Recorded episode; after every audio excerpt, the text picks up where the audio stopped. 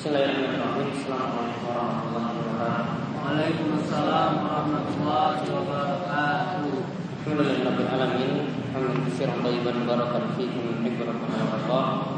Wa asyhadu an la ilaha illallah wahdahu la syarika lah wa asyhadu anna Muhammadan abduhu wa rasuluh.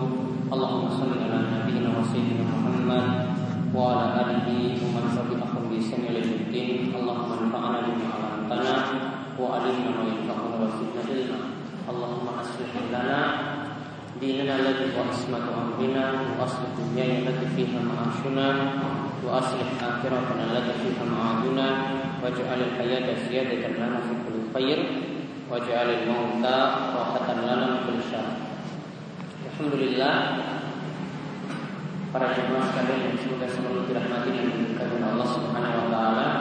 Kita bersyukur kepada Allah atas nikmat dan karunia telah Allah berikan kepada kita sekalian sehingga pada kesempatan Ba'da Maghrib pada kesempatan kali ini kita dapat melanjutkan kembali kajian kita selepas bulan Ramadan yaitu membahas kitab Riyadhus Shalihin karya Imam Nawawi rahimahullah membahas tentang masalah seputar masalah adab. Kali ini kita memasuki pertemuan kedua dari pembahasan adab-adab safar. Ya dari pembahasan adab-adab safar. Seperti uh, diterangkan sedikit mukaddimah atau pengantar tentang masalah safar. Sedikit kita menerangkan tentang masalah kosor solat baru nanti kita akan membahas sedikit hadis yang ada dalam kitab Riyadhus Shalihin. Seperti diketahui ini namanya kosor sholat ini adalah keringanan yang ada ketika kita itu bersafar. Dan kosor sholat ini ada cuma saat safar saja. Ketika seseorang sakit atau dalam keadaan mukim maka sama sekali tidak ada kosor sholat. Adapun e, tentang masalah kosor sholat ini, menurut pendapat jumhur atau mayoritas ulama kosor sholat dihukumi sunnah saat safar dan bukanlah wajib. Memang ada beberapa dalil seperti dari hadis Aisyah radhiallahu anha di mana dikatakan oleh Aisyah bahwasanya diwajibkan di awal-awal Islam sholat itu asalnya dua rakaat dua rakaat lalu disempurnakan menjadi empat rakaat. Awal-awal dulu dua rakaat dan digunakan dalam lafaz hadis dengan lafaz furidat. Furidat itu bermakna diwajibkan.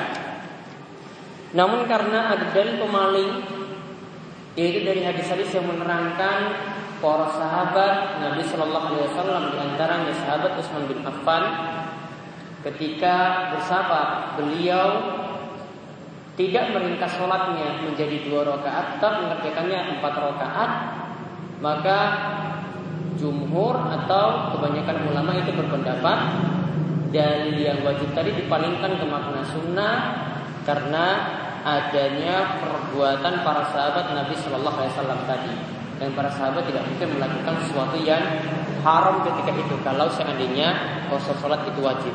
Namun yang lebih tepat puasa sholat itu sunnah sebagaimana pendapat dari kebanyakan ulama.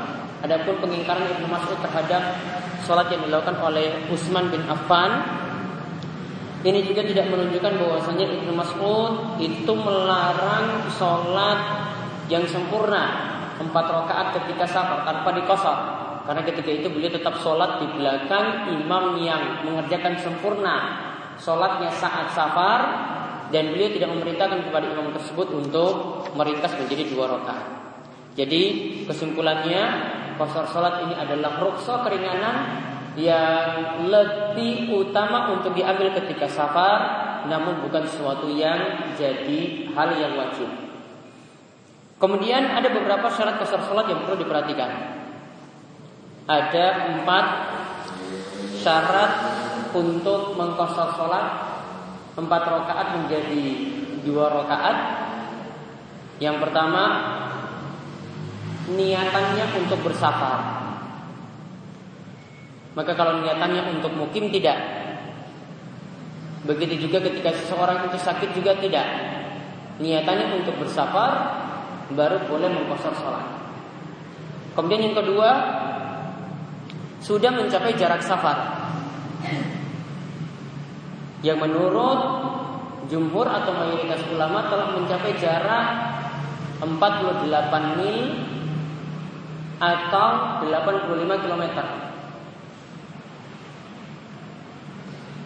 48 mil atau 85 km.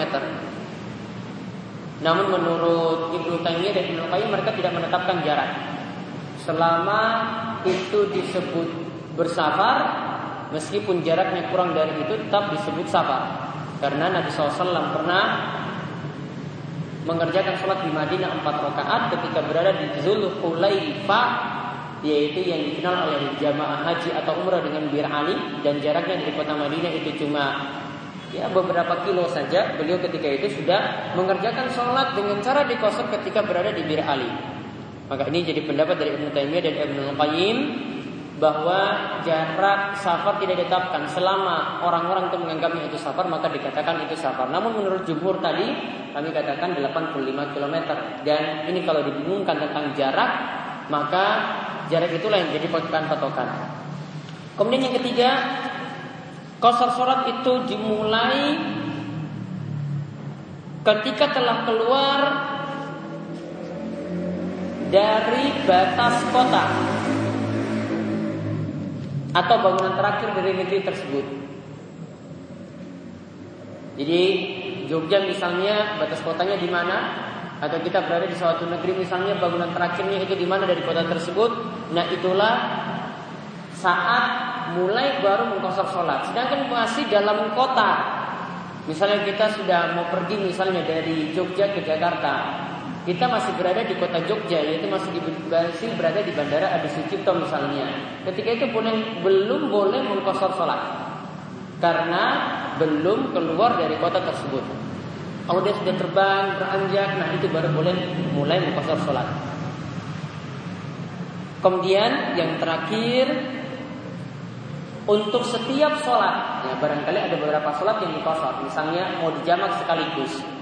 Maka untuk setiap sholat disyaratkan untuk berniat kosor. Ya, untuk setiap sholat disyaratkan untuk berniat kosor. Jadi tidak boleh niatannya ada di tengah-tengah. Jadi sudah mulai sholatnya asalnya zuhur, misalnya dia empat rakaat, di tengah-tengah karena melihat kondisi dirinya mungkin capek ya sudah saya di rokat pertama ini saya niatkan baru jadi dua rokat ketika itu tidak dibolehkan dari awal dia sholat itu harus sudah berniat mengkosor sholat Adapun lama mengkosor sholat ini dirinci menjadi tiga. Lama mengkosor sholat untuk musafir yang masih dalam perjalanan. Atau para ulama sebut dengan musafir rakib dia masih berada di atas kendaraan. Jadi masih di atas kereta masih di atas bis masih di atas pesawat. Masih di atas kapal misalnya maka musafir ini dia boleh terus mengkosor sholat berapapun lama waktunya. Misalnya kalau dia perjalanan tiga hari, berarti selama tiga hari dia mengkosor sholat terus boleh. Lima hari berarti selama enam hari dia mengkosor sholat terus boleh. Termasuk juga di sini kalau orang cuma mampir-mampir di satu tempat, dia singgah satu tempat misalnya lima jam atau nginap untuk satu malam, besok paginya jalan lagi. Kemudian jalan sampai waktu sore lagi nginap lagi di situ satu malam. Besoknya jalan lagi. Maka selama ini berarti masih dihitung berada dalam perjalanan dan ketika itu selama perjalanan tadi masih boleh mengkosor sholat. Meskipun tadi berhari-hari dia menempuh perjalanan tersebut. Nah sekarang masalahnya kalau kita sudah sampai di tempat kita tujuan bersafar Misalnya kita ingin bersafar ke Jakarta dari Jogja dan kita nginap di sana beberapa malam. Maka di sini dibagi menjadi dua ketika kita sudah jadi musafir yang nazil. Nazil itu artinya turun. Maksudnya di sini ya kita nginap di tempat tujuan kita. Nanti sampai kita kembali lagi ke Yogyakarta. Maka kalau kita nginap atau istilahnya mukim di situ, maka kalau mukimnya adalah empat hari atau di bawah itu, Berarti mulai dari uh, dari malam pertama, kedua, ketiga, empat niatannya ya. Jadi awal dia niatannya itu empat hari atau kurang.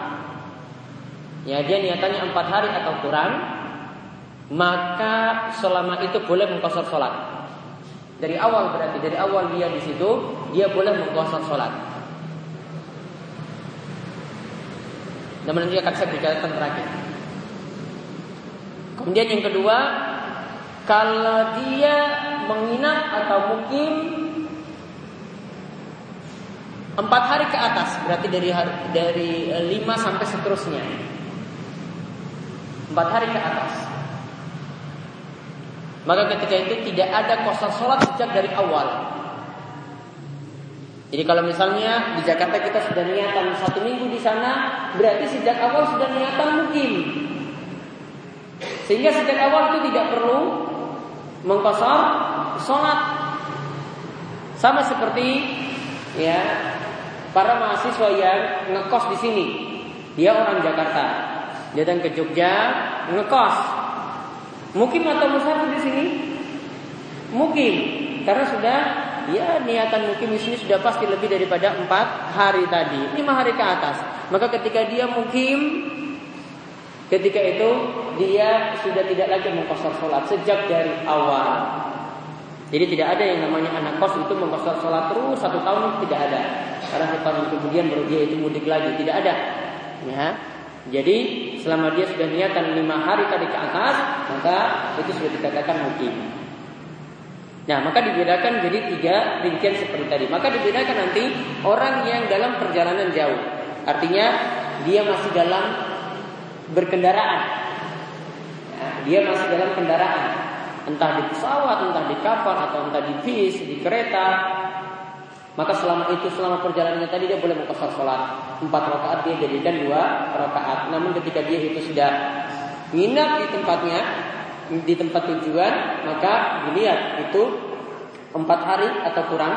Kalau empat hari atau kurang maka selama dia nginap di situ dia boleh berpuasa sholat namun kalau lebih dari empat hari tadi itu lima hari ke atas dia tidak boleh berpuasa sholat dari awal karena sudah niatan mungkin dari awal namun di sini diberi catatan kalau kita sekarang di sini misalnya eh, taruhlah kita nginap di sini dua hari ya nginap dua hari masih statusnya adalah sebagai seorang musafir Manakah yang lebih baik? Apakah kita mengkosor sholat tadi atau ikut jamaah yang ada? Berarti nanti kalau isya ya tetap jadi empat rakaat karena kita mengikuti imam.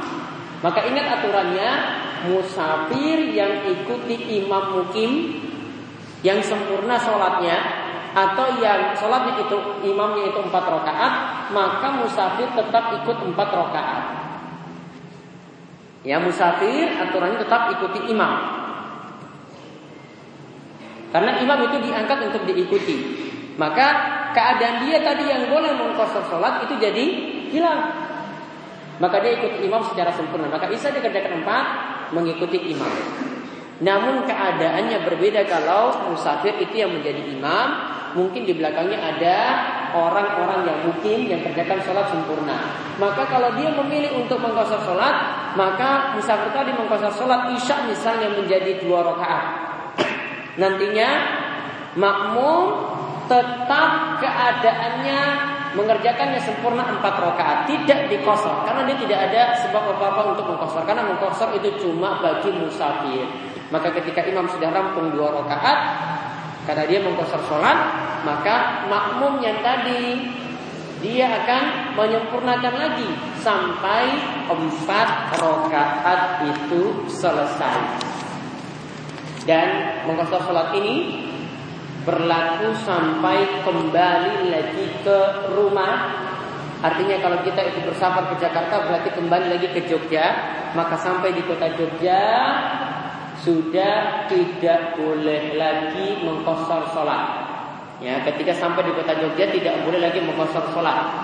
Misalnya kita masuk di waktu isya, sholat isanya belum dikerjakan, maka sudah dikerjakan di Jakarta. Maka masuk sini waktu isya, karena kita sudah sampai di kota Jogja, maka berarti sholat isanya tetap jadi sempurna empat rakaat. Beda kalau isanya dia jamak di Jakarta. Maka ketika jamak di Jakarta, dia kerjakan maghrib tiga rakaat, isanya dua rakaat karena memilih mengkosor sholat ketika itu. Adapun menjamak, menjamak ini ada Para ulama itu katakan jamak sholat ini sepakat ulama, ya sepakat ulama. Ini cuma ada untuk sholat zuhur dan asar. Ini sudah pasangannya ini, tidak bisa ditukar-tukar. Kemudian untuk maghrib dan isya. Jadinya surat Al-Isra ayat 78. Allah berfirman, "Aqimis sholata liduluki syamsi ila ghasaqil lail wa Qur'an al-fajr inna Qur'an al-fajr kana mashhuda." Kerjakanlah salat setelah matahari tergelincir sampai gelap malam dan juga kerjakanlah salat fajar yaitu salat subuh karena salat subuh itu masyhuda disaksikan oleh para malaikat. Maka kita lihat di sini Allah Subhanahu wa taala katakan kerjakan sholat setelah matahari tergelincir. Setelah matahari tergelincir itu ada dua sholat, yaitu sholat zuhur dan sholat asar. Yaitu setelah matahari tergelincir ke barat itu ada dua sholat, yaitu sholat zuhur dan sholat asar. Maka ini dianggap satu waktu. Ini dianggap satu waktu yang bisa digabungkan atau dijamak. Maka zuhur dan asar itu pasangannya. Kemudian Ila lain hingga gelapnya malam. Gelapnya malam itu mulai dari tenggelamnya matahari. Berarti mulai dari waktu maghrib. Dan di situ ada sholat maghrib dan ada sholat isya. Maka sholat maghrib dan isya juga dianggap satu. Sehingga yang boleh dijamak itu tadi zuhur dan asar, kemudian maghrib dan isya. Tidak boleh pasangan itu asar dan maghrib tidak boleh. Dan subuh sama sekali tidak dijamak dengan sholat-sholat yang lainnya. Nah kemudian untuk aturan yang kalau mau memilih jamaah takdim atau jamaah takhir dipilih sesuai dengan kemudahan bagi masing-masing orang. Artinya kalau dia mudah melakukan jamaah takdim yaitu jamak di awal waktu sholat zuhur dan asar digabungkan digabungkan di waktu zuhur itu namanya jamaah takdim. Maka kalau mudah baginya itu untuk jamaah takdim ya jamaah takdim. Kalau mudah baginya jamaah takfir diundur zuhur ke waktu asar, dikerjakan di waktu asar, maka itu yang dilakukan baginya. Contoh misalnya, kita bepergian uh, dari Jogja menuju Jakarta, ya kereta dari jam 6 pagi sampai di sana jam 3 sore. Sholat zuhur kita masih berada di atas kereta. Aturannya yang perlu dipahami ketika kita berada di atas kendaraan Ya, ketika kita berada di atas kendaraan, ya sholatnya diperintahkan untuk sholat wajib itu untuk turun dari kendaraan. Ya, diperintahkan untuk sholat wajib untuk turun dari kendaraan. Sedangkan itu kita bisa turun dari kendaraan nanti ketika waktu asar. Maka sholat zuhurnya diundur ke waktu asar. Dilakukanlah jamak takhir. Dilakukanlah jamak takhir ketika itu. Dan itu kalau safar berarti nanti zuhurnya dua rakaat, kemudian asarnya dua rakaat. Jamak takhir sekaligus dengan kosor. Jadi jamak kosor takhir.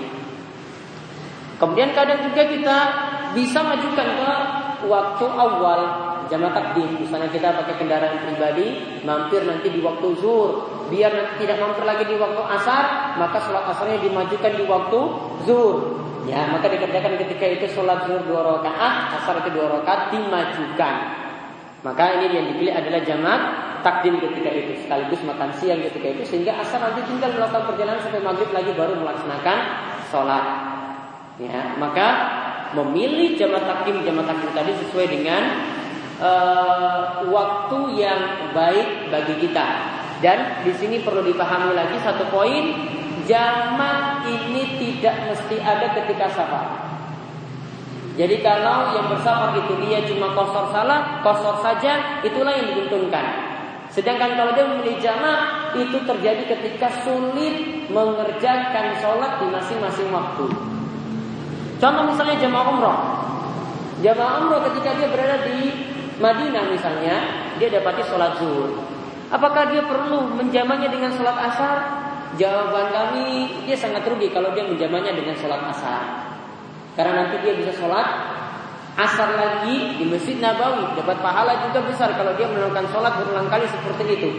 Ya, kalau dia majukan, dia nanti jadinya mengkosor sholat dan nanti tidak sholat dengan imam mungkin yang tentu saja lebih utama kalau dia kerjakan di Masjid Nabawi tadi. Jadi bagusnya tetap dia kerjakan sholat di masing-masing waktu. Dia tidak memilih untuk menjamak saat itu. Dan nanti kalau dia ikuti imam yang empat rakaat berarti tetap mengerjakan empat rakaat mengikuti imam. Nah itu sedikit ya tentang aturan-aturan fikih yang berkaitan tentang masalah mengkosor sholat dan menjamak sholat ketika safar.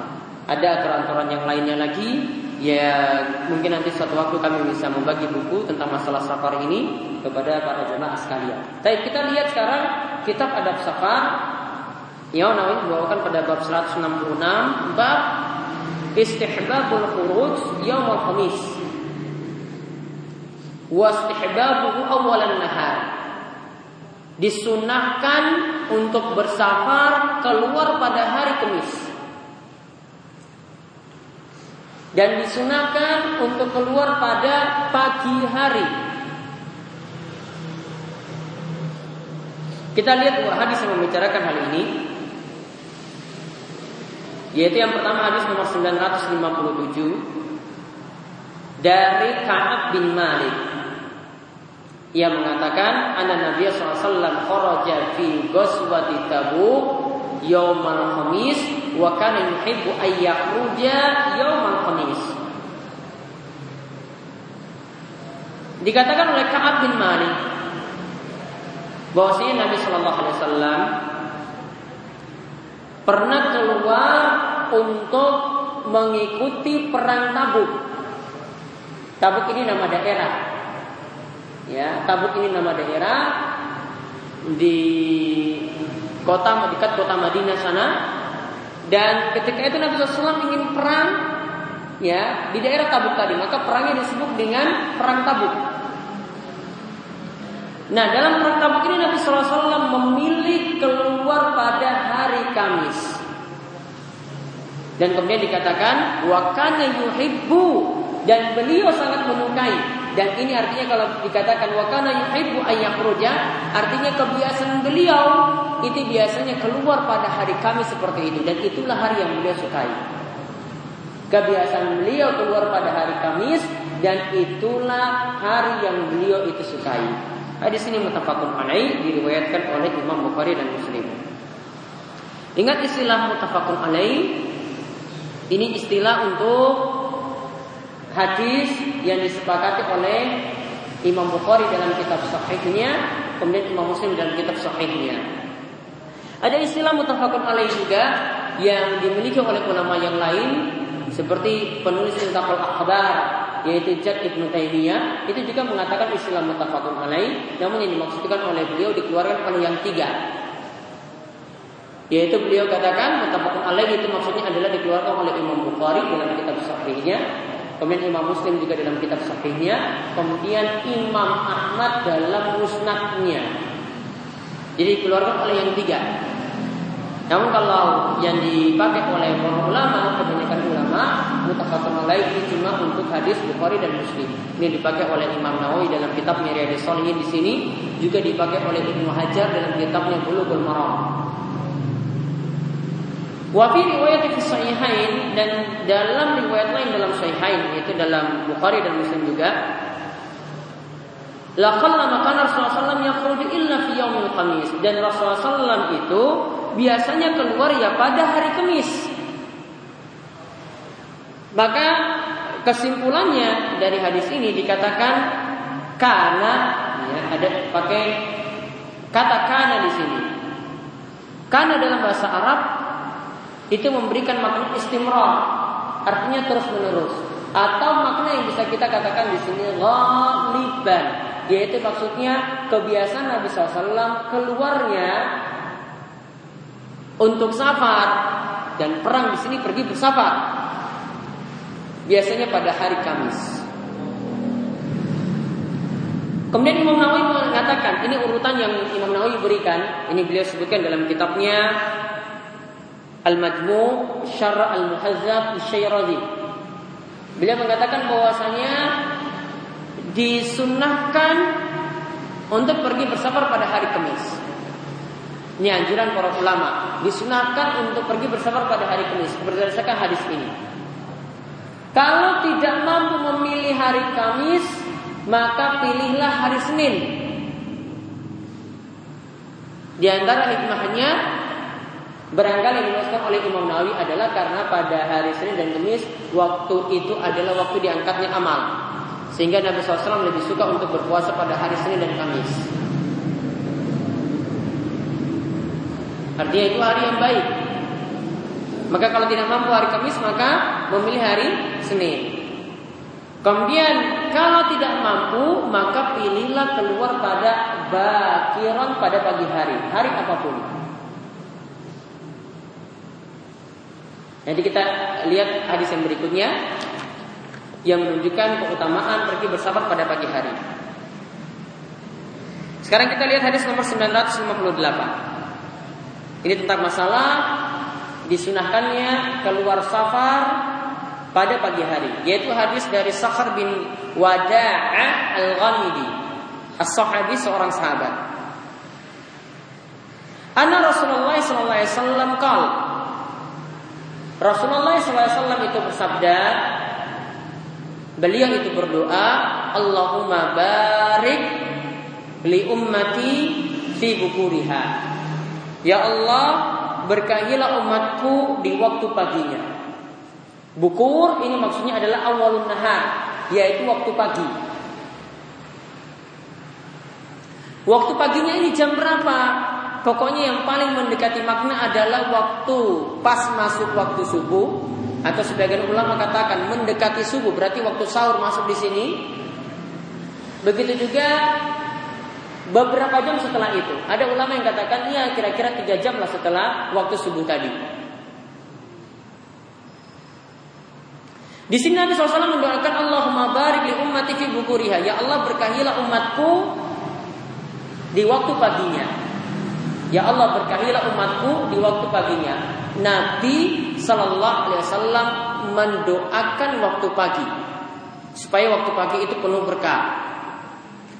Lalu diceritakan dalam hadis ini wa kana idza ba'asa sariyatan au jaishan. Ketika Nabi SAW itu mengirim pasukan. Kalau Sariyah itu pasukan yang kira-kira jumlahnya sampai 400-an orang. Atau e, mengirim pasukan bahasa min awalin nahar. Maka beliau biasanya memilih untuk melepas pasukan tadi pada pagi hari.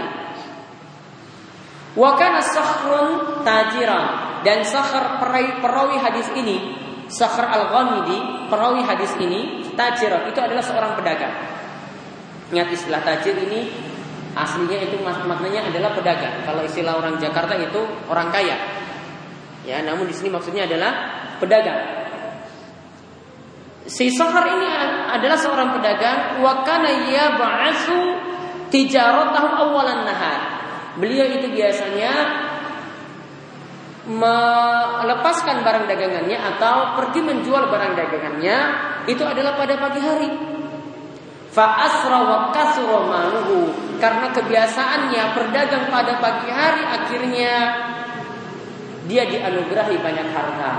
Akhirnya Sakhar al-Ghamidi tadi dianugerahi banyak harta. Hadis ini diriwayatkan oleh Abu Daud dan Tirmizi dan Tirmizi mengatakan hadisnya itu adalah hadis yang hasan.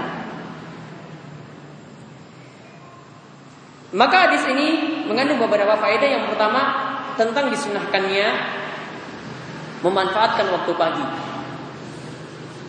Ya, disunahkannya memanfaatkan waktu pagi, yaitu waktu mulai masuk waktu subuh sampai ya matahari itu terbit atau beberapa jam setelah itu. Jadi di sini menunjukkan disunahkannya memanfaatkan waktu pagi. Untuk apa? Untuk amalan-amalan yang baik. Di antaranya seperti bahasan kita untuk pergi bersafar. Bagusnya mau pergi mudik ya memilih waktu pagi. Orang-orang masih banyak yang masih istirahat tidur, kita sudah jalan, jalan sepi. Jadi makin mudah juga untuk bersafar ketika itu. Kemudian untuk bekerja, atau seperti sahur tadi untuk berjualan. Dan memang rata-rata kalau dia memilih waktu pagi untuk berdagang, untuk berjualan, rata-rata juga cepat dagangannya itu laku. Coba lihat para penjual dagangan pagi, jajanan pagi, jual gorengan, atau jual nasi kuning, atau jual jajanan-jajanan dagangan di pagi hari, tutup mungkin jam 8. Padahal dia cuma jualan sekitar 3 jam. Siangnya dia sudah bebas tidak ini, tidak punya kerjaan apa-apa, mungkin sorenya untuk persiapan lagi untuk jualan besok paginya. Lebih berkah. Ya, lebih berkah daripada orang yang mungkin buka dari jam 9 pagi. Maka coba tanyakan ke penjual-penjual nasi kuning biasanya tutup jam berapa? Rata-rata jam 7 atau jam 8 pagi. Nah itu di antara berkahnya waktu pagi seperti itu. Dagangnya jadi penuh berkah, aktivitasnya itu jadi penuh berkah, safarnya juga jadi penuh berkah. Kemudian hadis ini menunjukkan tentang perintah memanfaatkan waktu pagi untuk kegiatan manfaat. Maka sampai-sampai para ulama itu membuat pembahasan tentang dimakruhkannya untuk tidur pagi ketika tidak ada manfaat. Ketika tidak ada keperluan untuk tidur pagi, artinya cuma sekedar melas-malasan. Ah, di subuh nggak ada kegiatan apa-apa, ya sudah tidur saja. Tunggu jam 7 baru kuliah, ya baru siap-siap untuk mandi dan pergi ke kampus ketika itu. Nah, ini yang dikatakan oleh para ulama, ini hal-hal yang dimakruhkan. Disebutkan oleh Ibnu Qayyim Ya, beliau juga menyebutkan bahwasanya di antara waktu yang dimakruhkan itu adalah Waktu yang dimakruhkan untuk tidur itu adalah di antaranya kalau di pagi hari itu setelah subuh, kalau di sore hari itu setelah asar.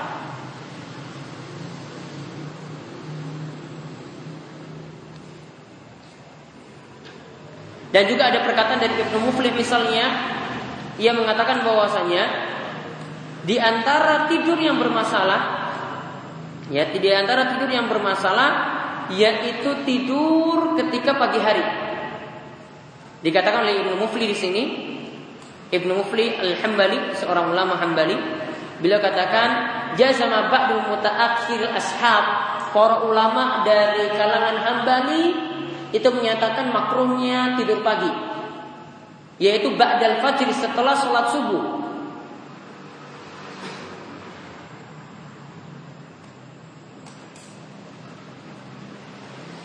Dan ada beberapa contoh dari salaf misalnya Umar ketika melihat Muawiyah. Ini Muawiyah ini punya kebiasaan tidur pagi. Kemudian ketika itu Umar tentu saja lebih senior daripada sahabat Muawiyah ini melihatnya seperti itu. Kemudian Muawiyah kayak merasa bersalah kemudian meminta nasihat kepada Umar bin Khattab. Dia mengatakan kepada Umar ya Amirul Mukminin, alimni mimma Allah. Kalau begitu ajarilah aku apa yang Allah Subhanahu wa taala itu ajarkan. Maka ketika itu ya dinasihati tentang masalah manfaatnya waktu pagi. Kemudian Abdullah bin Abbas itu pernah melihat anaknya itu tidur naumatat duha. Tidur pada waktu dua yaitu maksudnya tidur pagi. Faqala lahu kemudian ketika itu Ibnu Abbas itu mengatakan kepada anaknya fakum atana Musa allati taksimu fil arzaq Wahai anakku, bangunlah engkau. Apakah engkau mau tidur pada waktu yang Allah itu bagikan rizki? Karena saat itu, ya sama seperti perkataan di tengah-tengah kita juga mengatakan bahwasanya waktu pagi itu waktu dibagikannya rizki. Rizkinya nanti diambil oleh ayam ketika kita itu tidur pagi. Maka ini sudah dikatakan sebenarnya dari sahabat Abdullah bin Abbas ya dahulu mengatakan seperti itu kepada anaknya. Dia katakan tadi, bangun engkau, maukah engkau kalau rizkimu itu diambil karena engkau tidur pagi, artinya para sahabat tidak menyukai kebiasaan semacam itu. Begitu juga sampai dikatakan oleh Ali bin Abi Thalib minal jahali an-naumu fi awwalin nahar. Termasuk di antara kebodohan ketika seseorang itu mengambil kesempatan untuk tidur pagi. Ya, mengambil kesempatan untuk tidur pagi. Maka kalau kita mengetahui hal ini maka praktekkanlah sabda Nabi Shallallahu Alaihi Wasallam tadi karena sabda Nabi SAW tadi ini menunjukkan bahwasanya orang yang memanfaatkan waktu pagi akan mendapatkan kebaikan. Coba lihat beliau mengirim pasukan itu pada pagi hari. Begitu juga Sahar Al-Ghamidi yang meriwayatkan hadis Allahumma barik li ummatiha Allahumma barik li ummati fi bukuriha juga mengambil kebiasaan pagi hari untuk berdagang karena ingin mempraktekkan doa Nabi SAW yang benar-benar mustajab. Karena ini doa yang di mana Nabi SAW mendoakan setiap orang yang memanfaatkan waktu pagi dengan baik. Berarti kalau orang memanfaatkan ya maka akan mendapatkan doa berkah dari Nabi Shallallahu Alaihi Wasallam. Dan di antara buktinya lagi disebutkan dalam hadis di mana malaikat nanti di pagi hari itu ada dua macam. Salah satunya punya tugas untuk mendoakan orang yang memanfaatkan waktu pagi untuk mencari nafkah maka ketika itu malaikat ini berdoa, Allahumma a'ti munfiqan khalafan. Ya Allah berikanlah ganti kepada orang yang dia memberikan nafkah dan dia keluarkan. Kemudian ada orang yang kedua, ya ini juga didoakan di waktu pagi oleh malaikat, Allahumma a'ti mumsikan talafan. Ya Allah berikanlah kebangkrutan kepada orang-orang yang enggan untuk cari nafkah. Dan ini malaikat ini mendoakannya di waktu pagi. Maka siapa yang memanfaatkan waktu pagi untuk mencari nafkah seperti itu, untuk bekerja seperti itu, maka dia akan mendapatkan juga doa dari malaikat-malaikat tadi. Wallahu alam bisawab. Ini yang bisa kita sampaikan pada kesempatan kali ini. Insya Allah pada kesempatan berikutnya kita masuk bab yang baru masih dalam pembahasan kitab Safa. Sebelum ditutup, monggo jika ada yang ingin ditanyakan. tentang tentang Safa. Nah, ketika misalnya kan uh, kita tidak memungkinkan untuk uh, keluar dari kendaraan untuk sholat wajib. Bolehkah kita sholat di kendaraan? Uh, kemudian uh, salah satu syaratnya menghadap kiblat apabila uh, itu ber, berlawanan dengan arah kiblat, arah kendaraannya seperti apa? Baik. Kendaraannya apa dulu? Bis. Kalau memungkinkan untuk menjamak ya maka tadi kalau zuhur kita dapati waktu sholat maka kita undur sampai waktu asar. Asar baru mengerjakan. Kecuali kalau zuhur dan asar memang bisnya itu tidak berhenti berhenti maka dengan terpaksa zuhur dan asar itu dilakukan di atas kendaraan. Ya dilakukan di atas kendaraan ketika itu maka berdirinya tetap dipenuhi kalau mampu. Kemudian menghadap kiblat juga tetap dipenuhi kalau mampu. Kalau tidak mampu untuk berdiri dan menghadap kiblat, maka kata para ulama la wajib ma'al ajazi. Tidak ada kewajiban ketika tidak mampu. Berarti berdiri dan menghadap kiblat itu bisa jadi gugur ketika tidak mampu untuk memenuhinya. Bolehkah pakai kayak karena kan kalau di kalau masih bisa memakai air dan ada air maka tetap wajib menggunakan air. Kalau tidak bisa baru boleh beralih kepada tayamum.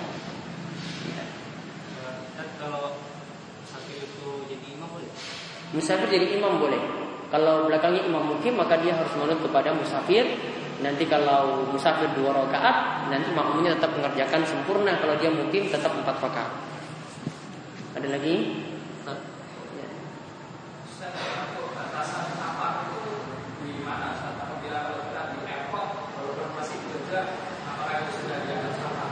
Dikatakan safa tadi ada empat syarat yang saya sebutkan Selama orang itu masih dalam kota, belum keluar dari batas kota, seperti kita kalau di Jogja ini masih berada dalam bandara, maka tidak boleh ketika itu mengkosor sholat. Keluar dari bandara nanti kalau sudah terbang take off sampai ke tengah-tengah perjalanan atau tempat tujuan, maka boleh ketika itu baru mengkosor sholat. Jadi kalau masih dalam kota tidak boleh. Kalau menjamaknya boleh, tapi menjamaknya berarti masih belum dikosor. Tetap zuhur 4, asarnya juga empat. Kalau ada airnya tapi harus beli gitu Ustaz. Ya terpaksa harus beli. Iya, harus dengan mengeluarkan biaya. Ada lagi? Terakhir?